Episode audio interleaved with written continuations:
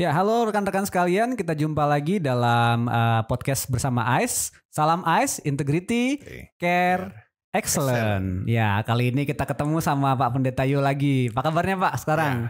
Sehat dan Sehat. sukacita. Ya, udah ini apa ya masih perkuliahan masih online gitu ya. Online, ujian online, ya. Tapi berusaha tetap kontak secara Eh, iya personal ya personal. personal ke orang lain gitu. Nah ini ini terkait juga nih Pak bahasan kita kali ini teman-teman ini bahasan yang mungkin menarik juga buat rekan-rekan sekalian karena kali ini kita bahas sesuatu yang penting tapi suka kelupaan gitu Pak gitu. Bagaimana mengatur waktu dengan baik gitu. Nah tapi kalau Pak Yu saya lihat kayaknya orangnya disiplin nih Pak. kalau agak beda sama saya agak selengean gitu. Nah kalau menurut Pak Yu sendiri sebenarnya orang pada umumnya harusnya bisa mengatur waktu atau ada memang orang tertentu yang lebih ini sih Pak? Ada yang lebih teratur atau ada yang lebih gimana kalau menurut Pak Yo? ya manajemen waktu itu bagi saya menyangkut sesuatu yang lebih mendasar, yaitu menyangkut spiritualitas. Oh, Oke. Jadi dengan spiritualitas itu ada ada paradigma, ada Hmm. mentalitas, Ya, ya. ya, ada kebiasaan yang menjadi karakter Hmm. begitu. Nah, kalau spiritualitasnya memang sangat apa menyadari tentang makna dari waktu, Hmm. maka manajemen waktu itu akan bisa berjalan dengan baik. Oke, jadi kalau spiritualnya matang harusnya manajemen waktunya bagus Pak ya, lebih disiplin dia harusnya. Bukan Eh. matang, tetapi dia menyadari bahwa Ha-ha. waktu itu sangat terbatas. Oh, Oke, gitu. Jadi lebih menghargai Ya, waktu. Karena terbatas maka kita harus hargai. Oke. Setiap detik, setiap menit, setiap Mm. jam itu tidak akan pernah dapat kembali. Iya, ya, betul Pak. Itu sangat spiritual pemaknaannya Pak. Saya jadi merasa nggak enak. Iya. Maaf ya Pak ya, saya belum benar waktunya. gitu. Ya itu kan rendah hati aja. Oh, Iya ya. Kalau Pak Yu sendiri gimana? Eh, selama ini menyikapi kalau ngatur waktu seperti apa Pak? Memang ada Ya. mengkhususkan buat agenda atau gimana Ya. kalau Pak Yu? Jadi saya kalau mengatur waktu itu memperhatikan ada unsur efisiensi. Jadi Hmm. efisien, yang kedua itu adalah efektivitas, maka yang ketiga adalah produktivitas. Oke. Nah, Jadi dengan kita itu efisien dalam mengatur, dengan mengatur itu maka kita bisa lebih efisien. hmm. Pekerjaan-pekerjaan itu tidak sampai menumpuk. ya ya. Lalu efektif itu menimbulkan daya guna gitu. Oke, setiap hal yang dilakukan Iya. ya itu Kemudian produktivitas. kedua itu menghasilkan sesuatu produktivitas Ah, ah. tinggi. Oke. Itu jadi patokan Bapak dalam mengatur agenda dan menentukan jadwal biasanya gitu Pak ya? Iya. Nah di balik itu sebenarnya eh, di antara tadi kan efektivitas, lalu kemudian ada Efisien. efisien, Sama kemudian ada produktivitas. pro- produktivitas. Tapi di situ sebenarnya ada di tengah-tengahnya itu ada namanya prioritas. Hmm. Jadi apa yang menjadi prioritas? Ha-ha. Nah, dari prioritas itulah kemudian kita akan mem- memperhatikan tiga aspek tadi gitu. Ya, ya.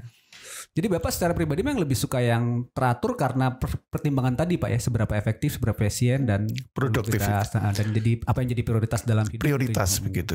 Ya, ya gitu. Tapi kadang-kadang beberapa orang suka yang ini Pak, Eh, apa namanya? Suka yang apa ya, ngeflow gitu, let it flow gitu kan. Kadang-kadang ya eh, bisa bisa improvisasi gitu. Kalau Bapak melihatnya kayak gimana Pak?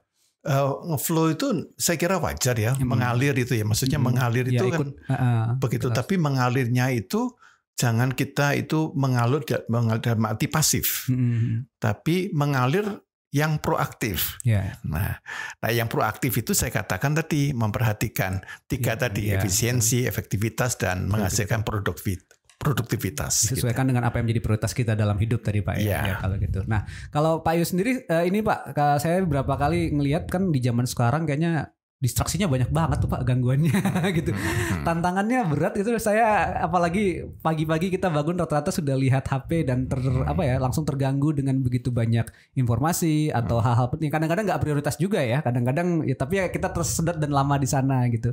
Kalau Bapak ngeliat gimana? Apa yang bisa kita coba untuk mengatasi gangguan-gangguan kayak gitu Pak? Ya, jadi distraksi itu tidak terelakkan. Ya, ya. Pasti kita punya rencana demikian, lalu kemudian handphone kita ini ada notifikasi Ya. yang menarik ya kita baca Ya. begitu kan. Heeh. Tetapi nggak apa-apa. Jadi kan itu ada spare waktu. Heeh. Ya, jadi ada spare. Nah, spare ini harus kita apa namanya jaga. Nah, karena itu di dalam manajemen waktu itu ada satu aspek namanya pengendalian diri. Heeh. Ya, kontrol di self control ya. Ya. Jadi kemampuan kita untuk mengendalikan diri kita. Karena kalau mengikuti yang Semuanya. semuanya distraksi kita nih tambah tidak karuan gitu Iya. ya. Belum lagi distraksi yang sifatnya lebih pengaruhnya itu pada unsur ya menyenangkan, Iya, nikmat iya. ya. Jadi Atau- kita malah kasihkan di sana gitu. Jadi pengendalian diri itu penting. Nah, kan itu saya katakan bahwa manajemen waktu itu berkaitan dengan spiritualitas. Ah. Nah, pengendalian diri itu adalah buah dari spiritualitas gitu Ah. ya. Jadi kalau dalam iman Kristen itu ada sembilan buah roh. Nah, Iya, salah satunya pengendalian pengendalian diri. diri itu yang uh, bagian terakhir tapi penting gitu. itu biasanya bagian terakhir paling sulit kayaknya. Eh, Sangat su- Iya. Nah, tapi kalau Bapak memang biasa punya agenda yang tersusun rapi, Pak, kalau Iya, minimal ada di dalam pikiran saya. Oke, iya. Jadi misalnya malam Hari ini ini- saya tidur, Mm. saya bi- bisa punya bayangan besok apa yang harus saya kerjakan. Oke, gitu ya. Udah ada be- berdasarkan pertimbangan-pertimbangan Iya. tadi, Pak ya, gitu ya. Ada yang tertulis, ada juga yang ada di Memang dalam, benak kita. benak gitu. kita. Saya besok harus menghubungi siapa, Ah, ah, ah. saya harus bicara dengan siapa tentang Ya. apa, saya harus menyelesaikan apa. Ya, karena pendeta kampus ini pasti banyak Gitu kerjaannya. Tadi ada keluhan mahasiswa tentang ini, apa Ya. yang akan saya lakukan untuk Ah. membantu dia, gitu. begitu. Jadi tugas-tugas itu harus apa eh, terencana dengan baik, Ya. jangan sampai eh, kita mengatakan mohon maaf saya kelupaan, mohon maaf saya sibuk. Nah itu saya tidak setuju ya bahwa Iya, iya.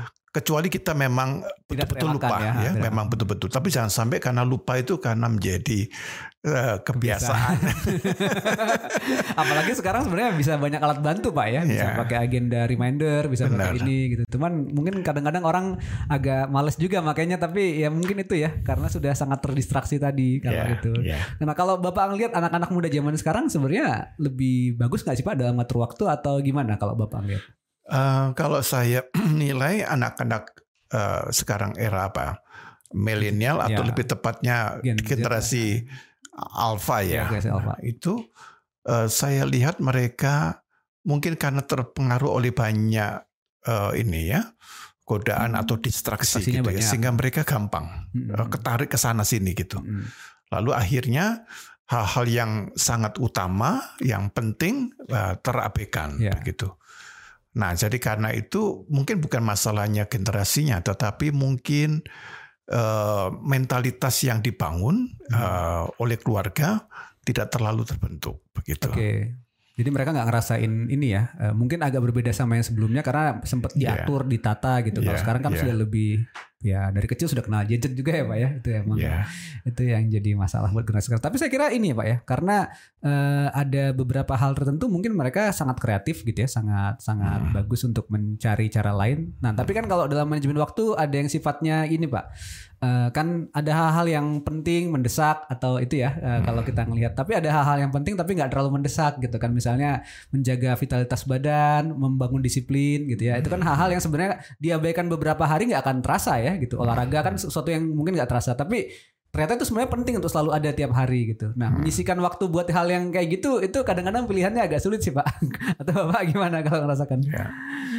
Tapi sebenarnya kita Ah. harus melihat kesehatan Ah. itu adalah nilai yang tinggi Iya. gitu ya. hmm. Kalau kita eh, sakit-sakitan, walaupun kita ini orang yang perfect disiplin, nah, perform. percuma juga. Jadi karena itu kesehatan adalah bagian dari Harusnya di manajemen Hmm, waktu kita ya. bagian dari waktu itu sendiri Hmm. gitu. Tapi juga perasaan-perasaan kita kan orang pada zaman sekarang kan juga bisa mudah galau oleh gara-gara handphone ya. karena dia sudah nayangkan sesuatu kok tidak ada yang Tidak memberi like gitu ya. tidak ada yang memberi Atau malah ada like, yang kritik gitu. ada yang mengkritik. Nah, Jadi gampang galau Iya, begitu. iya. Nah, jadi harus pandai untuk eh, mengatur. mengatur perasaan kita. Jadi mood kita itu penting. Iya, iya. Karena suasana hati itu adalah sumber dari kalau saya katakan dari eh, itu dalam bahasa apa namanya eh, Yunani itu Ya. ada kata en Entusias ya. ya en, enteos, ya. Entheos ya, di Jadi dalam Tuhan, Jadi, ya. jadi dalam Tuhan ya. Jadi jadi en, enteos Antusias. menjadi antusias Hmm. begitu kan. Jadi itu bisa mempengaruhi gitu antusiasme kita gitu. Iya, iya, betul Pak. Jadi memang kadang-kadang gitu Pak, waktu terbuang bukan gara-gara kesibukan ya, tapi gara-gara kita nggak bisa ngelola mood dengan baik Hmm. gitu ya. Ya, Balik lagi berarti bener maksudnya manajemen waktu itu adalah masalah spiritualitas. tadi, Pak, ya. Spiritualitas. Jadi ada sesuatu yang memang uh, perlu dijaga secara spiritual sehingga kita akhirnya bisa menghargai waktu dan menempatkan prioritas-prioritas tadi betul. Pak ya. Wah ini menarik buat teman-teman gitu ya. Boleh kita semua mungkin perlu ngecek lagi gimana agenda kita dan gimana kita pakai waktu selama ini gitu ya. Ya, Apakah eh, apa apakah kita cukup menghargai dan kita punya spiritualitas yang baik untuk menghargai Ya. waktu kira-kira Ya. gitu. Ah, Bapak ada tips nggak buat yang sekarang nih Pak? Apa Ya. cara yang baik untuk manajemen waktu kira-kira? saya sangat menghormati apa yang disebut dengan deadline. Oke.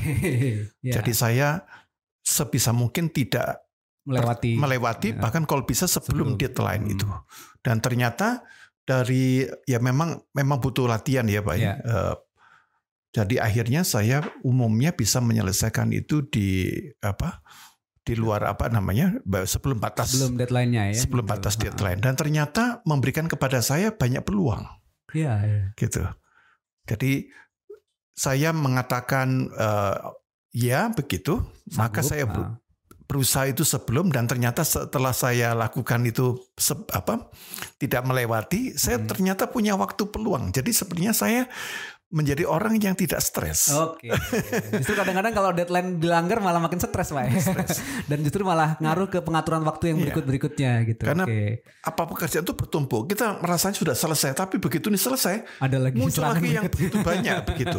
Nah, saya bersyukur bahwa dengan peluang semacam ini yang tersedia karena bisa Hmm. memanage waktu dengan bagus, maka saya kemudian bisa menikmati hal-hal yang eh, sifatnya hobi Iya, begitu gitu. ya. Jadi ada waktu hobi. Lalu yang Oke. kedua, saya bisa bercakap-cakap dengan Orang-orang anggota terdekat keluarga, ya. bercakap-cakap dengan staff, dengan rekan-rekan sepelayanan. Jadi Oke. saya punya waktu itu gitu. Oke, Itu tips yang menarik sekali Pak. Jadi hati hargai deadline gitu ya. Jadi justru Iya, kan dengan iya. sebelum deadline kita justru bisa punya peluang dan justru Iya. nggak stres ya kalau Iya. itu. Ya itu yang menarik buat rekan-rekan sekalian. Tadi selain soal agenda dan yang lain-lainnya itu memang Iya. perlu ya efektivitas, efisiensi dan produktivitas itu sesuatu yang kita hargai dalam hal waktu. Dan yang penting tadi Pak Pio kasih tips yang cukup bagus buat kita semua hargai deadline dan kalau bisa sebelum deadline gitu ya Eh, supaya kita jangan stres supaya kita justru bisa punya peluang untuk memanfaatkan waktu dengan lebih baik. Itu obrolan kita sekarang Pak. Nanti kapan-kapan kita sambung lagi soal manajemen waktu karena ini pasti nggak ada habisnya gitu ya. akan akan ngobrol terus ini. Iya. Makasih banget udah share gitu ya Pak untuk uh, kita gitu. Banyak yang Bapak sampaikan tadi juga ngaruh buat saya. Habis ini saya mungkin akan lebih spiritual Pak.